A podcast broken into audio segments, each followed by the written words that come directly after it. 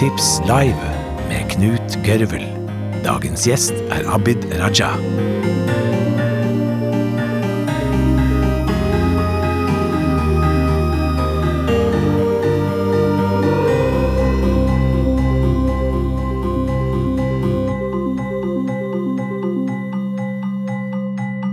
Jeg hadde gleden av å lese Abid Rajas eh, bok 'Min skyld' for eh, snart et år siden, en stund før den kom ut.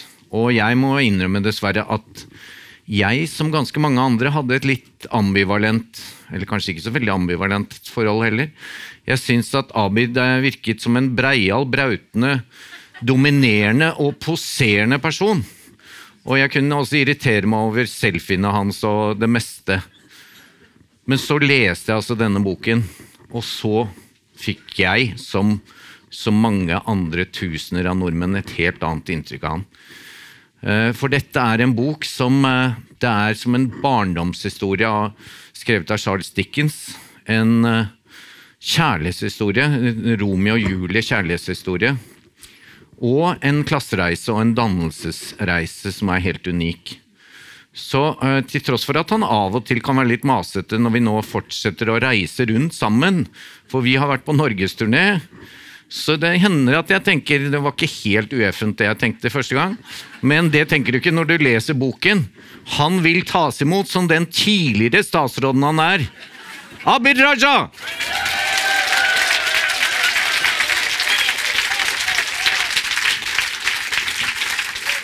Hallo. Vær litt forsiktig, Knut, for plutselig så blir jeg statsråd igjen. Og da tar jeg ikke opp telefonen når du ringer. Nei, beklager.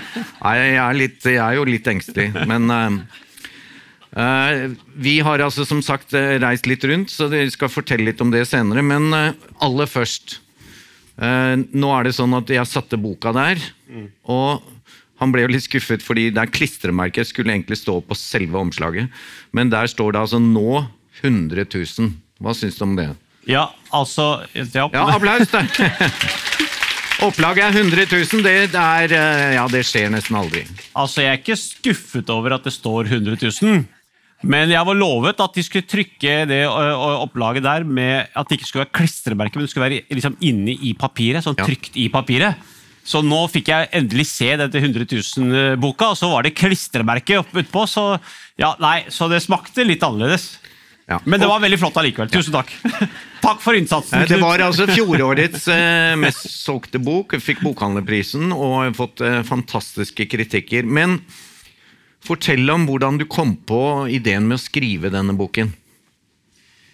Ja, det, det, er, det, det er jo i den eh, Du sa kultur, eh, ikke sant? I den rollen så lå også idrett. Så det var Berit Kjøll.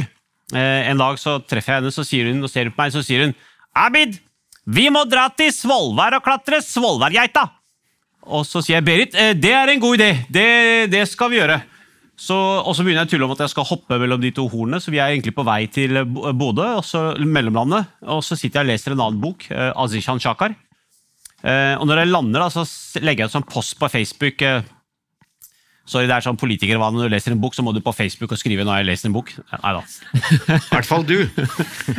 Så skriver jeg litt sånn Her sitter en diger kultur- og likestillingsminister og gråter i dette flysettet. da. For du hadde Eh, lest gul bok. Jeg har lest gul bok, eh, så, eh, og så traff jeg han Zishan Shakar på Nå må passe deg, Knut, for at eh, det er, jeg var på, var på eh, eh, første bokbadet på Rockefeller. Så kom han forfatteren, og eh, ja, apropos det bokbadet, var jo ledet av Anne Grosvold. da, Ja, du- Han ble jo litt sur, da, for at eh, han ville jo ha med Anne Grosvold på turné. Ja, det verste, er at, eh, det verste er at hun kunne ikke være med på turné, da, men i dag så er hun her. Men du sitter her allikevel. Neida. Ok, du får klare deg med dette. Du er, du, er flink, eh, du, er, du er flink, du også. På din måte. Så kommer han forfatteren Zishan Shaka, som har skrevet av Gul bok. tidligere skrevet Tante Ulrikkes vei. Og så sier han jeg skjønner ikke den posten du la ut på Facebook. For jeg skjønner ikke eh, hva du grein over. For den boka den handler om Mani, en mann. Skal jeg også se inn i kamera? Er det sånn der? Nei, du Å, ja. skal se på folket. En mann som jobber eh, sant, i regjeringskvartalet med å lage statsbudsjettet. eh, og Derfra kommer det til sant, Gul bok. Og som forfatteren sier, altså som jeg vet, han sier, det, er jo, det er jo historie med Mani. Mannen jobber i regjeringskvartalet, men det er, jo, det er jo ingenting ved Manis historie som det er noe å grine over. Så hva er det du gråter over? Eh, og da fortalte jeg han på dette uh, Rockefeller-bokbadet, så, så, sa jeg til, så, og, og det står jo liksom i boka, for det var jo egentlig ikke Manis historie. Mani er sammen med en dame i boka som heter Mina. Kanskje ikke så kreativt, Mani og Mina. Men når jeg liksom begynner å lese historien til Mina, så begynner det å skje noe. For hun opplever at hun ikke har, hun ikke har frihet i det forholdet. Dels pga. kulturen og religion, dels pga. foreldrene, men også pga. Mani selv. Han begrenser hennes frihet. Og så har ikke jeg så reflektert, jeg har ikke sånn til vane å reflektere sånn hva som skjedde i fjor og forrige fjor. Iallfall ikke hva som skjedde 20 år siden. Men når du sitter her, da, så begynner, å, begynner, jeg å tenke på kona mi Nadia, som jeg er gift med, som jeg har kjempet om å få lov til å gifte meg med. Og så slår det meg liksom at hun på starten av vårt ekteskap kunne komme til meg og sånn Hei, Abid, eh, det er venninnekveld neste uke. Eh, kan jeg få lov til å dra på den venninnekvelden? Eh, det kan hende at det, blir sent, kanskje det blir 11-12 midnatt. Kan jeg få lov til å være ute så sent? Og slik hun var oppdratt, så tok hun jo for gitt at hun må komme til mannen og spørre om lov. Og slik jeg var oppdratt, så tok jeg det for gitt at det var min lov å gi. Og så plutselig sitter du da i det flyet og er glem kultur, likestillingsminister i verdens frieste land. Så jeg drar tilbake da, der, til Oslo eh, etter den turen, og, og, da sitter Nadia psykologspesialist, hun tar doktorgrad i psykologi, eh, sitter hjemme på hemsen og skriver, så jeg må liksom nå karre meg opp den hemsen, og den var, den var mentalt vanskeligere, den geita, å, å klatre opp. Så jeg kommer opp og så forteller jeg henne dette. Beklager hvordan det må ha vært for deg. Altså, Jeg har helt glemt alt det du har måttet stå i. Alle de frihetskampene du har tatt. Og, og nå er det, det er bare én stol på den hemsen, så den sitter liksom hun på. og sånn. Så jeg sitter jo da på gulvet og ser opp på henne, og ikke sant? Også det er liksom den stemningen. Beklager. ikke sant? Og så har jeg holdt på sånn i et kvarter. Um, og hun sitter helt stille, og så lener hun seg frem når jeg endelig har blitt litt stille. Uh, så holder hun meg rundt, rundt meg her. Og så sier hun Så bra du har kommet til den erkjennelsen!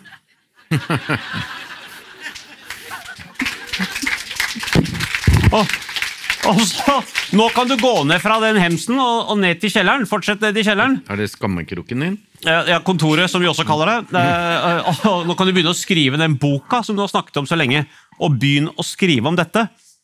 Og så begynner jeg å skrive, og, og tidvis må jeg faktisk uh, opp igjen til den hemsten, for jeg begynner å lese sånne gamle dagbøker. Uh, for jeg skrev det til henne da, på den tida vi var uh, sånn skjult kjærester. Og, og da liksom, det er en dag hvor jeg, da treffer jeg Abid Raja 1996-versjon. Da vi akkurat vært sammen bare noen måneder. Sommer 1996, så leser jeg, og så går jeg Og der kom du. Vi skulle på den festen i den altfor gjennomsiktige kjolen. At du ikke kunne tenke på hva folk kommer til å si om deg og om oss. Så jeg liksom fra kjelleren og så må jeg opp igjen til hemsen. 'Nadia, se hva jeg skrev!' Og hun bare 'Gå ned igjen, fortsett å skrive'. så der, det er sånn boka har blitt til. Uh, skytteltrafikk mellom eh, kjelleren og hemsen. Uh, og til slutt så måtte jeg ha et par timer med henne på Ekebergskogen og Sletta for å uh, ha mot til å gi det ut. For det var tidvis jeg hadde lyst til å trykke kontroll alltid litt. Fordi jeg måtte kjempe med meg sjøl om, om, å utlevere eh, så mye, for da har du på en måte, du er hudløs. Da har du ingenting igjen. For du var redd, res, redd, for responsen? Ja, ikke redd for responsen fra sånn norskpakistanere. Eh, for de visste jeg kom til å fordømme denne boka likevel, så det, det, var, jeg, det var, jeg, ganske trygg på. Eh, eh, men, men jeg, jeg, har også, i Norge så har alle fått sånn bindestrek utenom dere, og det syns jeg er litt urettferdig. Så det er norsk-pakistanere, norsk-tyrkere, og noen ukrainere her, så blir de sånn norsk-ukrainere.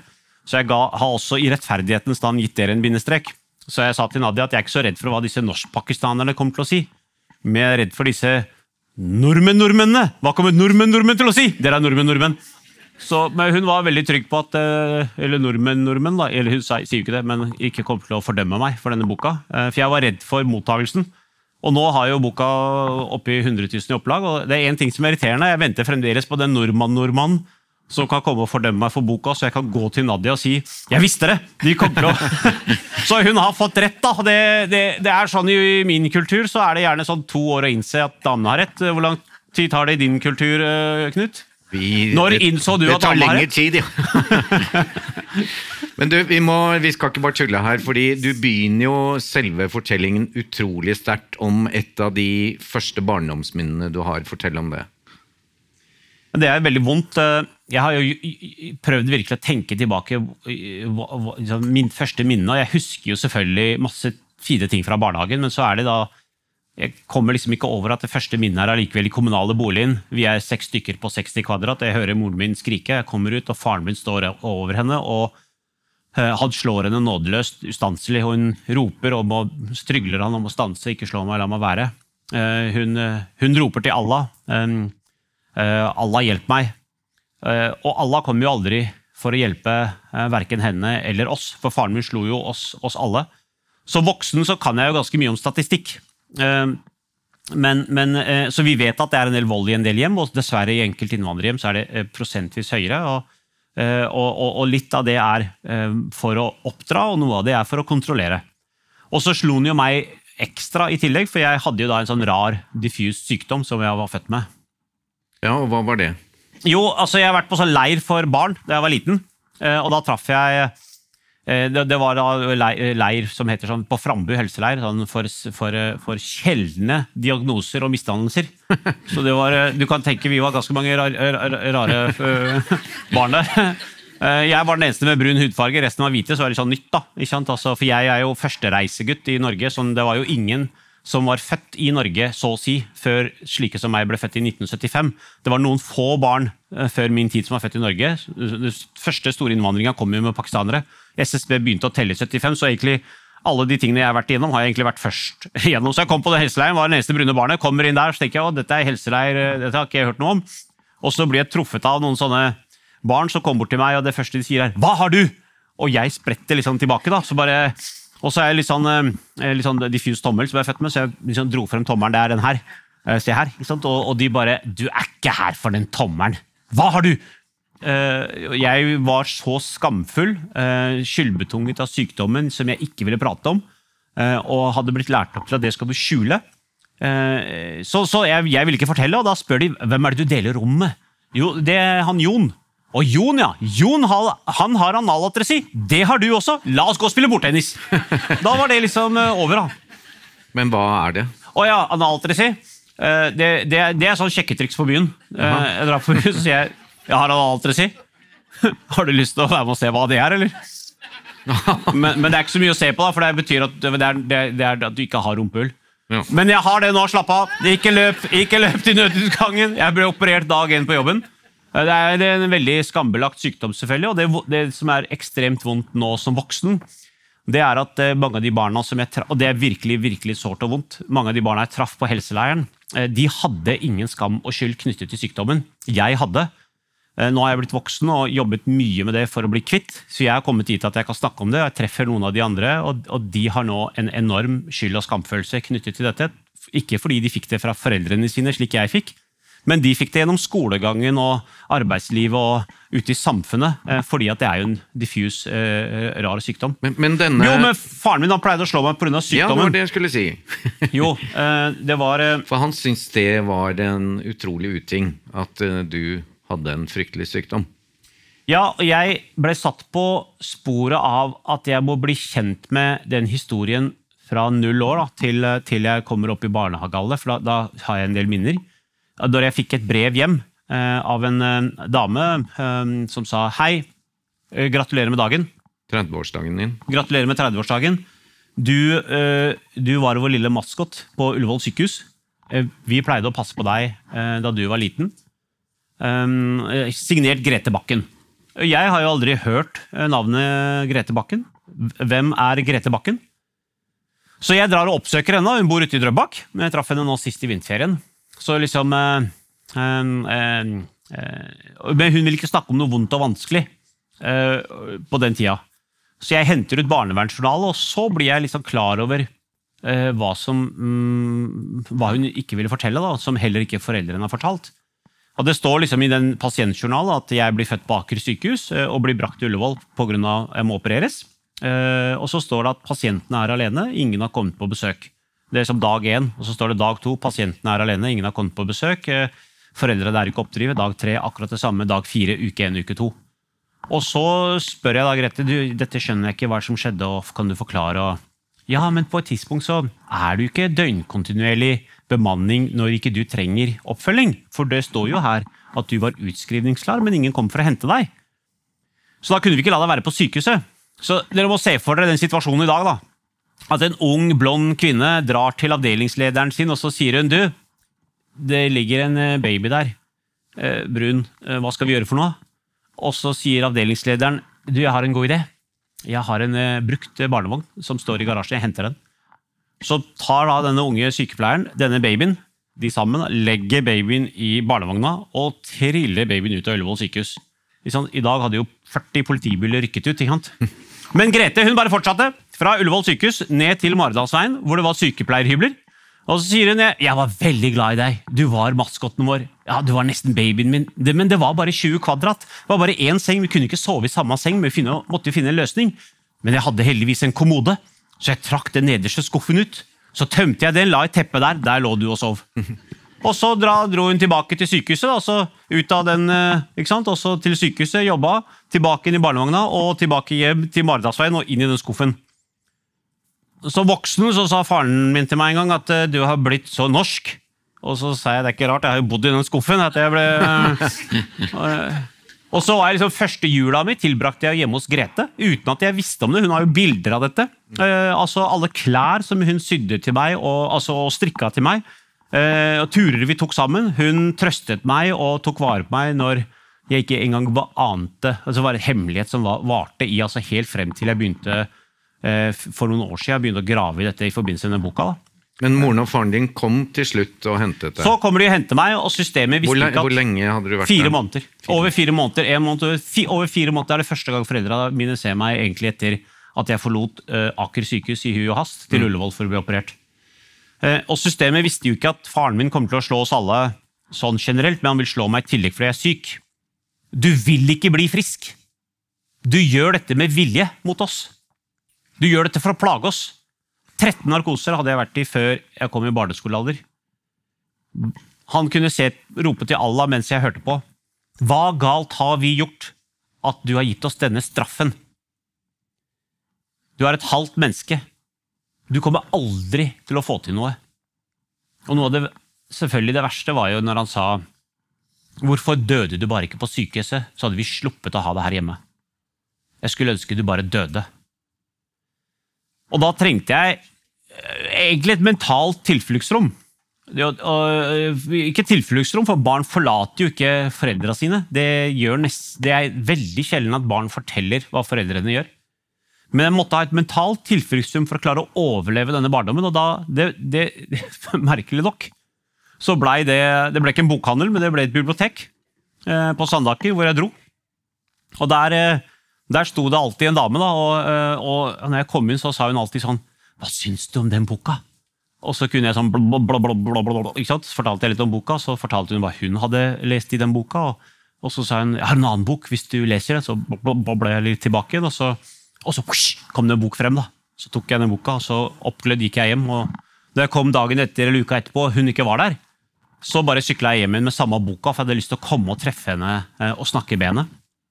Og Det er et poeng med den historien. for det er jo, som du sa, Knut, det er jo mange som har anmeldt boka, og, og, heldigvis har alle sagt at dere bør lese boka. Men, men, jeg tenkte siden vi er her i dag, i Anne Grosvolds nærvær, så kunne jeg røpe mine tre grunner for å ha skrevet boka sjøl. Altså mine tre gule lapper. da. Og det, og det første er, hvis du blar i boka, så på side én står det 'Til min landsby av oppdragere'.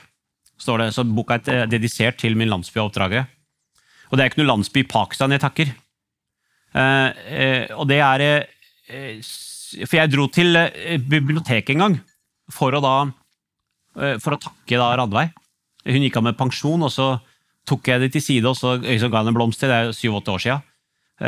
Og Hun husket meg, og sånn, så forteller jeg denne, denne, historien. som jeg forteller dere nå, denne her, altså liksom, Hva du har betydd og utgjort av forskjell for meg. Når faren min sa du kommer aldri til å få til noe, så var jeg dragebekjemperen.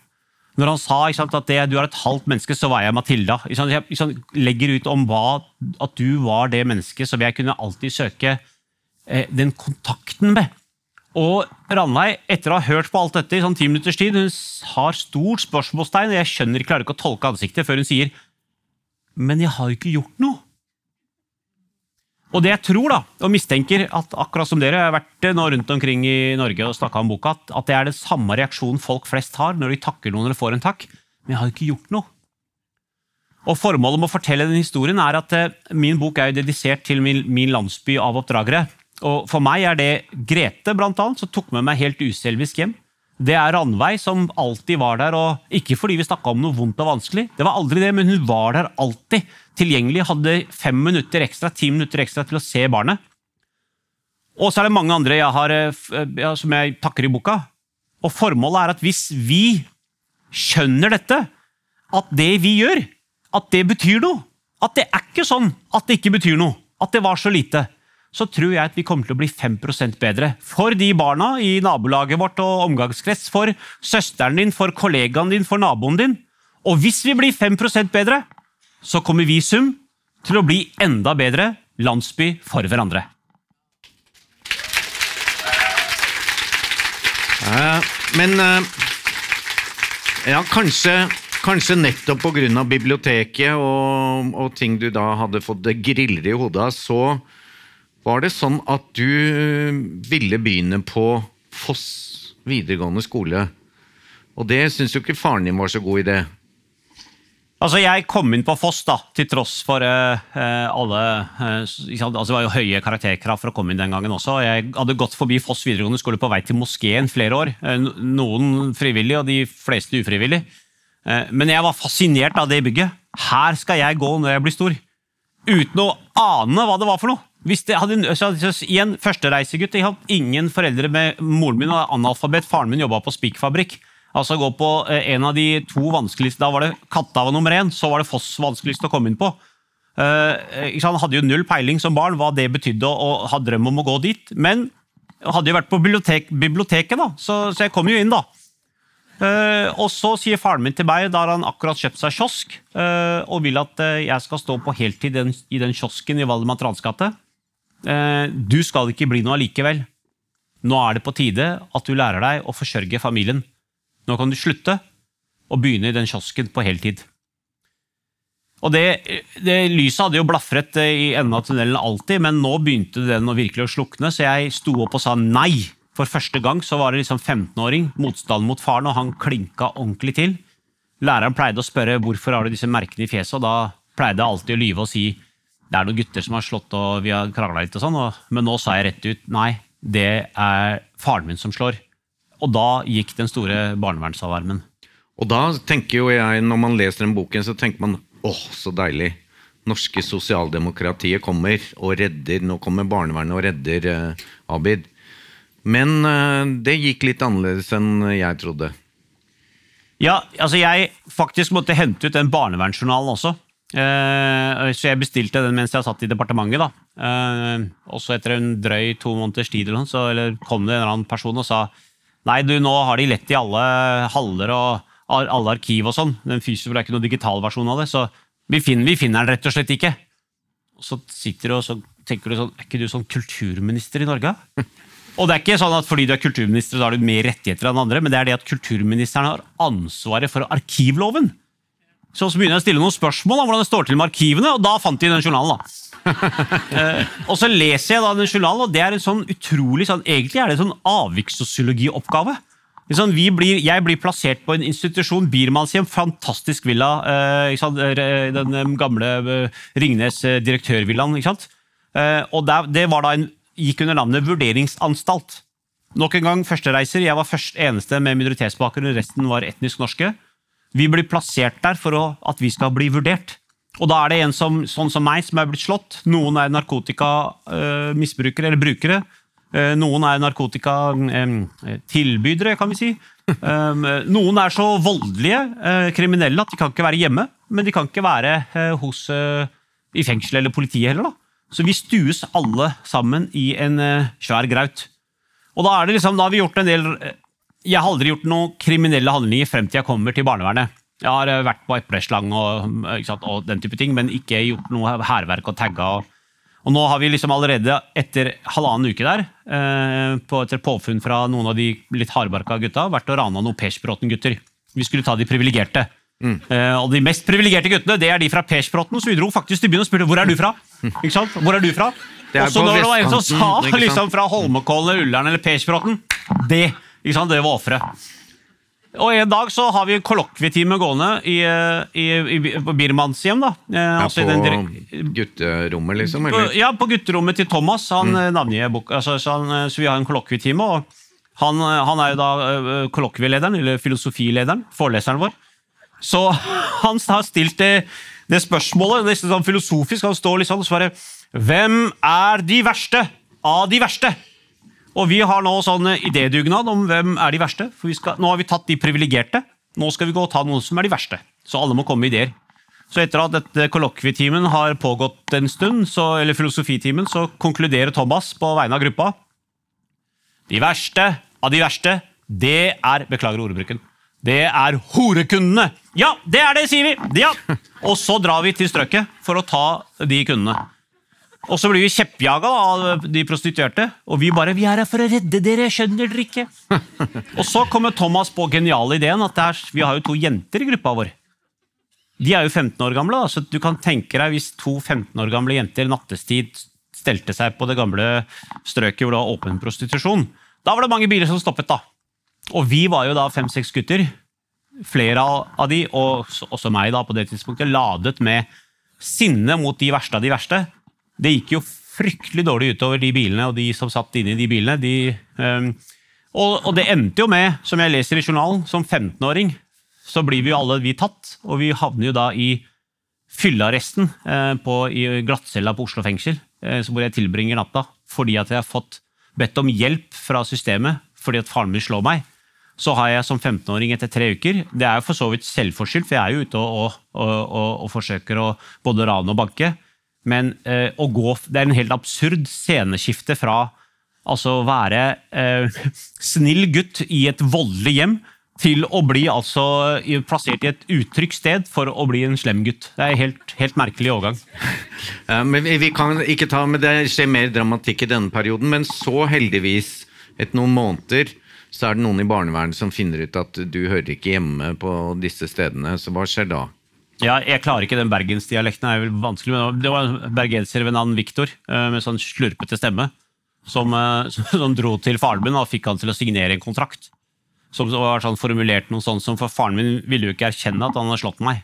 Så det var sånn, jeg har aldri slått Abid, jeg kommer aldri til å slå Abid heller. Så da kunne jeg flytte hjem da. Så det gjorde han ikke, faktisk, han slo meg aldri igjen. Men han var dritforbanna. Du har blitt helt norsk, sa han. Er, eh, det, han mente ikke det positivt, altså.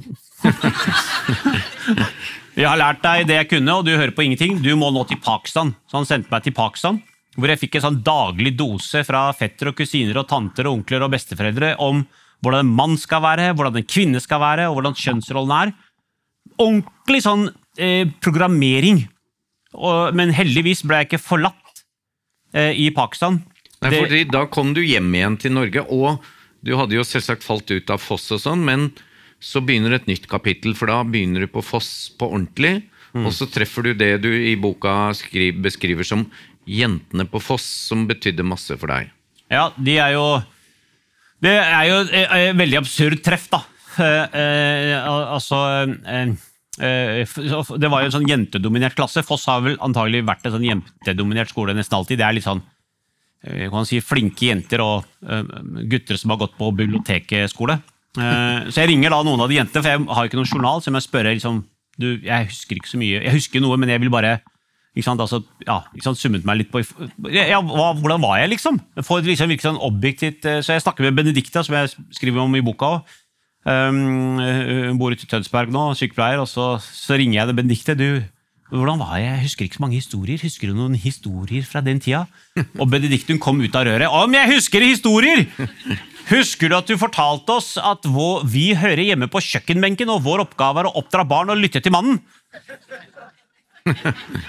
Og, og, og det var en gang det var liksom overfallsvoldtekter i Slottsparken. Da Eh, Da hadde jeg i samfunnslæretime sagt at ja, men det er ikke rart da, når jenter går kledd sånn, så er det ikke rart det blir eh, voldtekter. Jeg må kle dere litt bedre enn det. Ikke sant? Og så, så, så, sier jeg til henne det er rart at dere aldri liksom sa hei, stikk med deg. Vi gidder ikke å ha noe med deg å gjøre. Dere sa alltid, Jeg ble jo alltid invitert med. Ja, vi sa bli med. Eh, Vi sa også legge inn holdningene dine. Det hørte dere ikke på. Eller at dere liksom ikke på et tidspunkt gikk sånn lei. Det, er der, det der han sier nå, det har vi hørt før. Nå kan vi bare overse det. De kunne liksom ikke la noe passere. Eller at de kunne si sånn eh, Ja, han har jo blitt litt bedre nå, da. Han var verre i fjor. ikke sant? Kan, nå kan vi, ikke sant? Eh, de bare fortsatte å file, og, og file er liksom litt mildt. De fortsatte å høvle, og de, ikke sant? de ga seg liksom aldri. Og Benedicte i telefonsamtalen minner meg på at husker at du, skulle, du sa at du skulle gifte deg med kusina di. Og det husker jeg jo. Og hun klikka skikkelig. Vi har vært venner i tre år, og du har fått deg kjæreste, og du forteller meg ikke engang. Og, Hei, nå må vi slippe alt sammen, la oss skulke siste time, gå rett til skolen hennes og overraske henne. Og så sier Benedicte, slapp av, jeg skjønner ikke, hun, hun, går ikke på noe skole. Hvor er hun da? Nei, hvor, vi må gå og treffe henne på jobben hennes. Nei, du, hun bor ikke i Norge. Hæ? Bor ikke i Norge? Hvor bor hun? Nei, hun bor i Pakistan. Hun skjønner ingenting. Hva er det du prater om? Bor i Pakistan. Når er det du traff henne? Jeg, traff, jeg har ikke truffet henne, jeg. Jeg har sett henne én gang. Og så sier Benedicte meg på telefonen husker at du argumenterte for at det var det riktige å gjøre. Du skulle gjøre dette, faren din hadde bestemt dette, og du argumenterte for at man bør gifte seg med kusina si. Det er riktig og fint. og, og jeg husker denne, altså Benedicte, eh, mens hun har døpt meg sorry, eh, hun døpte meg skravla på russelua, da, eh, og sto der mens hun drøpte, drøpte ikke sant? og så bare 'Vil du virkelig gifte deg med kusina di, Abid?' Skravla. Ikke sant? Også, 'Men hva vil du, Abid?' Og jeg hadde ikke tenkt hva jeg vil. Det, og det er et poeng med denne historien. Som jeg sa, jeg hadde sånn tre, tre gule lapper. Og poenget med denne historien, det er, det er altså nå, Etter at jeg har gått på biblioteket da, og kom inn på Foss, så skal jeg bli ganske mye rart i Norge etter å ha tatt utdanning. Eh, men, men når dere hører den derre fra jeg ble liksom født og jeg ser moren min bli slått og ble kalt hore og ikke sant? Altså med eh, hele der historien gjennom barnevernet og reisen til Pakistan og, og denne ordvekslinga med jentene i klasse B på Foss. Jeg skal bli ganske mye rart i Norge etter å ha tatt utdanning, men jeg skal ikke bli likestillingsminister i Norge. Det er for, altså Kanskje i Pakistan, men ikke i Norge. Det er to forskjellige verdener. Altså det, Se på det mang, total manglende frihet og verdens frieste land. Det, det der er helt umulig! Det er helt umulig! Og det er mitt mål nummer to med boka, er å gi et håp om at det du tenker, er helt umulig. Kanskje for deg selv, eller for andre i dine omgivelser, omgangskrets. Kanskje det ikke er umulig allikevel. I Norge er kanskje selv det umulige mulig. For den januardagen så blei jeg jo kultur- og likestillingsminister. Jeg fikk jo sånn haug av blomster og sånn, og så Kom jeg på kontoret, så lå det enda en bukett på kontoret, sier kontorpersonen se, se litt på den. Og da var det sånn blomsterhilsen, og så ser jeg på kortet, så står det 'Hilsen fra jentene i klasse B på Foss'. Og så står det, vent litt, og så står det hadde det ikke vært for oss, hadde du aldri blitt likestillingsminister! Nei, og, og, hadde det ikke vært for uh, Hadde det ikke vært for jentene på Foss, så hadde du heller aldri turt å treffe kona di. Fortell litt om denne Romeo og Julie-historien, som jeg kalte det. Hvordan du traff Nadia, og hvordan du klarte til slutt å du, Jeg så henne på en sånn utdanningsmesse på Kjølyst. Da hadde jeg liksom akkurat blitt ferdig med videregående, blitt kommet inn på universitetet. Og så kom hun dit da for å få eh, altså kom jo alle elevene fra videregående for å få innsikt i sånn, høyere utdanning og sånn. Og, mm. Så jeg står der liksom i verveblokka, da, og så ser jeg en jente, og så tenkte jeg hun skal jeg verve. Hun så så veldig kul ut, med sånn, eh, veldig sånn kul, røff stil med sånn hvit militærbukse og kamuflasjebukse. Sikkert kjøpt på The Army Shop her. Og, og så sier jeg liksom du må bli medlem i vår organisasjon. Og hun er sånn Jeg har ikke tenkt å prate med deg i dag, iallfall. men jeg, dere skjønner, jeg gir meg jo veldig lett, da. Så eh, så vi holdt på en stund til, eh, til, hun ga opp og ga meg da telefonnummer og navn og skolen. og så jeg skrev ned videregående skole og sånn, og så Dagen etter så øvde jeg litt på hva jeg skulle si, og så tar jeg opp telefonen og ringer. og så Jeg husker ikke en eller annen Ola Nordmann som tar opp telefonen og sier 'Det bor ikke noe sånn jente her. Ha det bra'. Og så tenker hva er dette for noe? Så ringer jeg skolen. Ja, Jeg har veldig viktig informasjon til denne jenta. Hun, eh, hun var på messa og spurte om dette, så jeg må gi denne opplysningen til denne jenta. Dere må finne henne. Og så, etter at de har sjekka, da, så kommer det tilbake og så bare Det er ingen sånn jente som går på denne skolen. Ha det bra. Så alt var falskt, da. og, eh, og, så skjer det da sånn tilfeldighetene at eh, jeg blir spurt da, om å dra på, uh, på, en, på, en, skole Jeg hadde holdt en sånn del foredrag på en del skoler, så blir jeg spurt om å dra på Lambertseter skole, komme på Lambertseter skole for å holde foredrag. Og jeg er sånn dette, åh, nå har jeg ork, var du begynt å bli litt høy på deg selv allerede da? da, da det hadde begynt å skje ting da, ja. Så, eh, og så begynte de jo sånn smiske sånn Ja, men han Kadafi Zaman skal også komme! Han, han i TV 2, da var han akkurat blitt journalist. Og, så det er liksom veldig mange av de, dere, de vi ser nå da, i norsk offentlighet, vi var jo studenter på samme tid. Både Noman Mubashir og Shazia Sarwar i VG. Så det er veldig sånn rart. ikke sant? Men jeg er sånn, jeg skal ikke dra dit, og så sier da vedkommende som inviterer meg Men du, vi har hatt et sånt møte her, og hun ene jenta har eh, altså Vi skjønner at du kjenner henne, og, eh, og så skjønner jeg ikke hvem han prater om, for jeg kjenner jo ikke navnet. Ja, Hun er sånn militærbukse, hun sa hun traff deg på messa, og jeg bare Den skolen skal jeg søren meg dra på! Så jeg dro dit for å holde foredrag, ikke for skolen, men for hun ene jenta. da. Så, så jeg gønna jo på, og i pausen så er det sånn, hun står der med sånn kakefat. da, de har sånn kakedag. Det sånn er et sjekketriks dere bør legge dere på minnet. Bare sjekk nå. Så, ja, så går jeg bort til henne og sier har du, har du bakt denne kaken? Og hun bare sånn «Eh, Nja, jo, nei, nei, ikke kaken. Jeg har, eh, jeg har bare laget glasuren. Så løfter jeg opp det kakestykket, og så skiller jeg på en måte kakebunnen fra glasuren. Sånn. Så legger jeg kakebunnen ned, så ser jeg på henne. Så sluker jeg glasuren. da fikk jeg telefonnummeret! Men Vi ble, eh, da ble vi sånn, ikke pga. kakespisinga vi ble sammen, men vi begynte å snakke litt sammen da, og så, og så blei vi sånn sammen-sammen etterpå. ja, for Hva betyr det? For det, det var ikke lett for dere å kunne bli kjærester. ja, vi var ikke sammen. Eh, Vi var sånn sammen-sammen. Det er litt sånn eget begrep vi har funnet på i den alderen vi var i når vi var yngre, med blandingskultur, for det var ikke lov å være sammen. Så vi kunne si til folk, noen få venner skulle si at vi er sammen sammen. Det betyr jo at du ikke går åpen sammen, og sant, dere er ikke kjærester i offentligheten, og dere har egentlig ikke, har, sant, ikke sex sammen, og sånn, for vi var så strengt religiøst oppdratt. Og sånn. Eh, og så var det jo, skulle være skjult, da.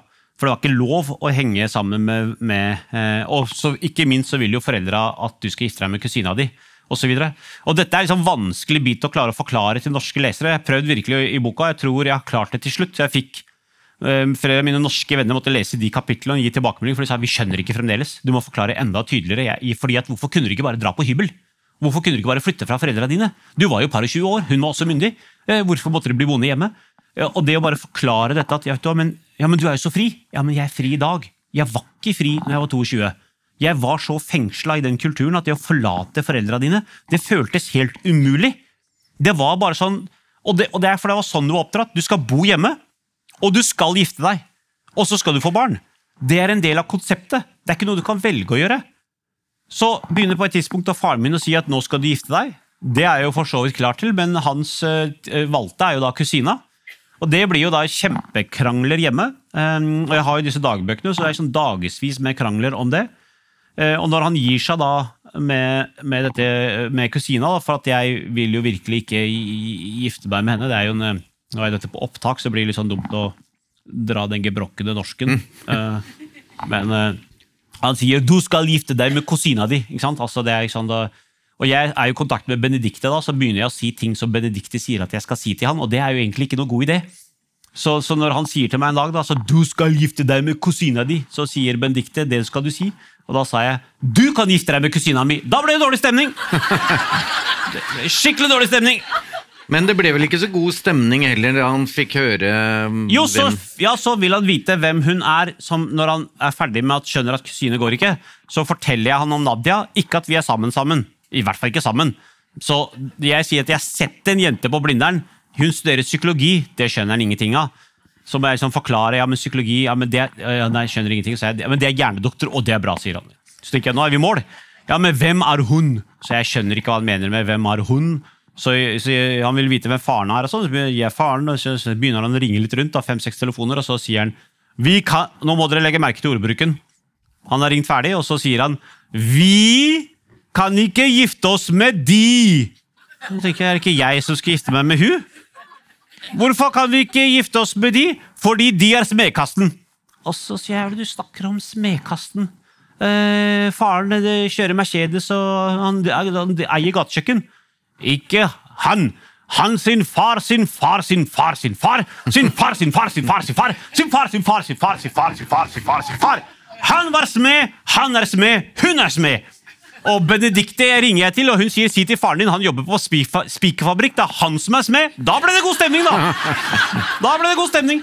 Og så fant, og så fant de Så fant de ut at vi ville ikke gifte oss med de fordi at de er dårlig kaste. Da ble det kjempegod stemning hos de også. Så istedenfor at jeg og Nadia kunne leve liksom der, du vet, nyforelska dagene våre, så, så dreiv vi og, eh, og Og til slutt da, så sa faren til henne at eh, du får ikke treffe han mer. Du må love meg på Koranen og det ene og det andre. Liksom, nesten som mor og far i døden. Eh, og, og hun var jo litt sånn skjelven, så hun lovte faren sin du skal ikke treffe meg mer. Så hun ringer meg og sier hei, Abid. Vi skal ikke slå opp, vi skal være sammen. Vi skal gifte oss i dag. Vi skal bare ikke møtes mer. Ha det bra. Og da er vi liksom i den fasen da, hvor jeg, jeg står Vi har noe avtalt, vi må jo sees ses på en eller annen måte. Og det er jo så blodig urettferdig situasjon hvor vi går gjennom et halvt års tid, hvor hun kommer Jeg står på Jernbanetorget. Jeg står på Jernbanetorget. Jeg tar på den der. Virkelig, jeg står sånn, og så venter jeg på Så står jeg her, og så vet jeg at her der kommer T-banevogna til Nadia fra Bergkrystallen. Og jeg skal til Houston, ett stopp, egentlig to stopp, da, og så skal hun videre til Blindern. Vogn nummer tre. Og hun stopper vogna akkurat foran meg, for det har vi gjort flere måneder nå. da. Der sitter hun i vinduet og gråter, og der står jeg utafor og gråter, og, og så triller den barnevogna videre. Eh, barnevogna, sier jeg. T-banevogna. Det var vel det du tenkte. Det skjer etter hvert. Men du, vi må, vi må Ja, men poenget er at altså, Vi må få opp farten lite grann. Så vi får farten. Ja, fordi ja, og til slutt, da, ok, så til slutt Er det dårlig tid nå? Ja, nå begynner vi. Herregud, så Ok, du snakker. jeg skal avslutte. Da skal jeg gå til landinga. Eh, til slutt så, Lang historie. Fem og et halvt år med dagbøker, og, og, og foreldra våre til slutt sier den jævla kjærlighetsfeberen den går ikke av. Vi trodde den skulle gå av, men feberen er der ennå. De er rammet av en syk, syk feber. Så da fikk vi lov til å gifte oss, og kompromisset var at dere får ikke lov til å gifte dere i Norge. Vi skal til Pakistan for å gifte dere. Så det ble et syv dagers bryllup fra helvete i Pakistan. Vi har syv VHS-kassetter fra det bryllupet. Vi har ikke sett et eneste minutt. De har flytta garasje til garasje sammen med oss. Så um, Poenget med historien er at eh, vi blir gift og vi flytter hjem igjen til Oslo og, og vi begynner å starte et samliv. Egentlig, Det er da vi blir sammen, for vi har jo aldri vært sammen. Vi har Nei, jo... og da viser det seg at du er jo sånn som Benedicte og de syns litt. Du er ikke helt god. Du er ikke Ja. den gode mannen overfor eh, din store kjærlighet. Ja, altså, Jentene på Foss fiksa mye, men de fiksa ikke alt. og Det er det jeg startet med å si. at jeg på, sant, på mm, Geita og eh, Hemsen, sant, den historien med Nadia, mer av det kan dere lese i boka. Og, og så treffer jeg en annen type også. Jeg har blitt advokat, veldig kjent, eh, og kjendisadvokat skriver aviser, men i speilet så treffer jeg da meg sjøl, eller en, en annen del av meg sjøl, som forteller meg alt det faren min pleide å si, begynner jeg å si til meg sjøl. Jeg trenger ikke faren min i huset for å fortelle meg at jeg er dritt. Så jeg må jo da til en psykolog, etter lang historie med, med kona, som hun tvinger meg til å dra til en psykolog, så drar jeg til en norsk dame, og, og da begynner jeg å skjønne at vi, jeg er ikke aleine eh, om å ha det sånn. Og vi som er i dette rommet her, tenk på det at vi, det er ingen andre før oss som er i dette rommet her, noen gang i historien, noen sted i verden, som har hatt det bedre. Rett sånn gjennomsnittlig objektivt sett. Ingen. Og sånn kjennes det ikke hver dag allikevel. Ikke fordi at det er noen andre som ødelegger dagen din. Det er fordi at vi har jo en egen stemme med oss som gjør den jobben. Og noen ganger så, eh, så er det lett å identifisere problemet. Fordi at i mitt tilfelle så var det sånn lett, det var foreldrene, så kan man jobbe med det. Andre ganger så det, kan det være en tidligere lærer, eller søsken, eller kjæreste, eller nabolagsbarn, eller samfunnets krav og forventninger, eller alt dette har liksom svevd seg sammen.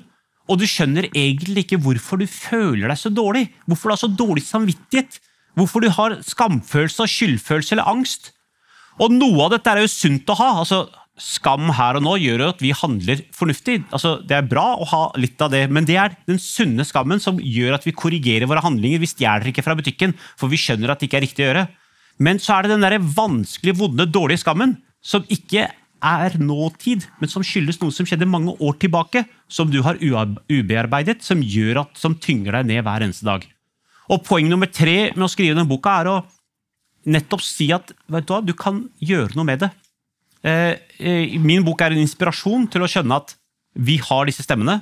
Og så fins det mange selvhjelpsbøker der ute, eller hvis du ikke vil tørre å gå til psykolog, da, som meg.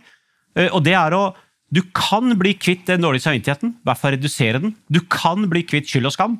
Du kan leve et fritt liv. Og målet er, sier jeg noen ganger, at eh, å leve et lykkelig liv. Men jeg tror selv i Oslo, hvis Kari går rundt og sier at eh, jeg er lykkelig, så tror jeg folk i nabolaget kommer til å spørre seg hva er det hun tror hun er. Går rundt og tror hun er lykkelig, liksom. I Norge er det ikke helt greit å si at du er lykkelig. Men det må jo være bedre å være lykkelig enn ulykkelig, iallfall. Det må være bedre å være skyldfri og skamfri. Så mine tre årsaker mine venner, til å skrive den boka var å gjøre oss bevisst på hvilken landsby vi er for hverandre. Det er å gi et håp om at det umulige kan være mulig eh, i ditt liv og i de, de andre du kjenner. Og du kan bli kvitt skyld og skam, og du kan leve et friere og kanskje også litt lykkeligere liv.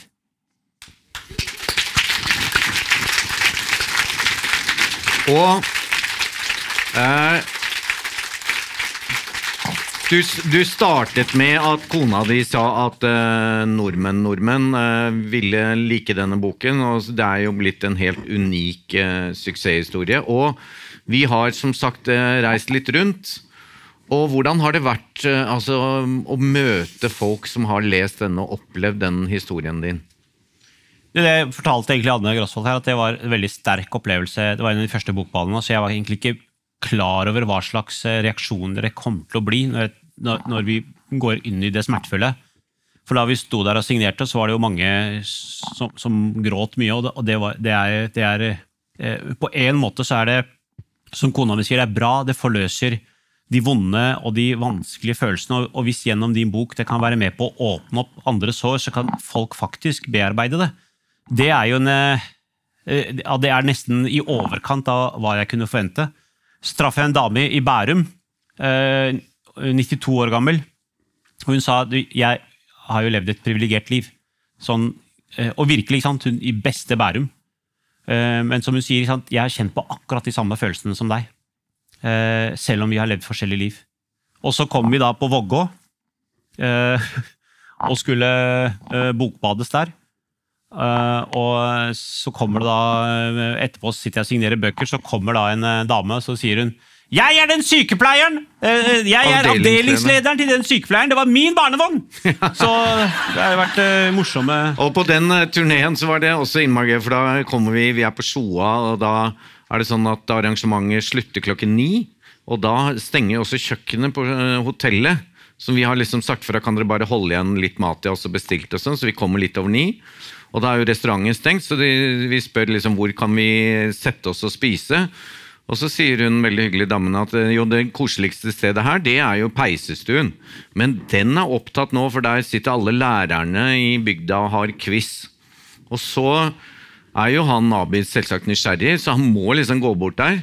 Og idet vi kommer inn i den peisestuen, så har da lagene eh, eh, sånne plakater som de holder opp for å si, svare på siste spørsmål. Så de liksom eh, sitter sånn alle sammen.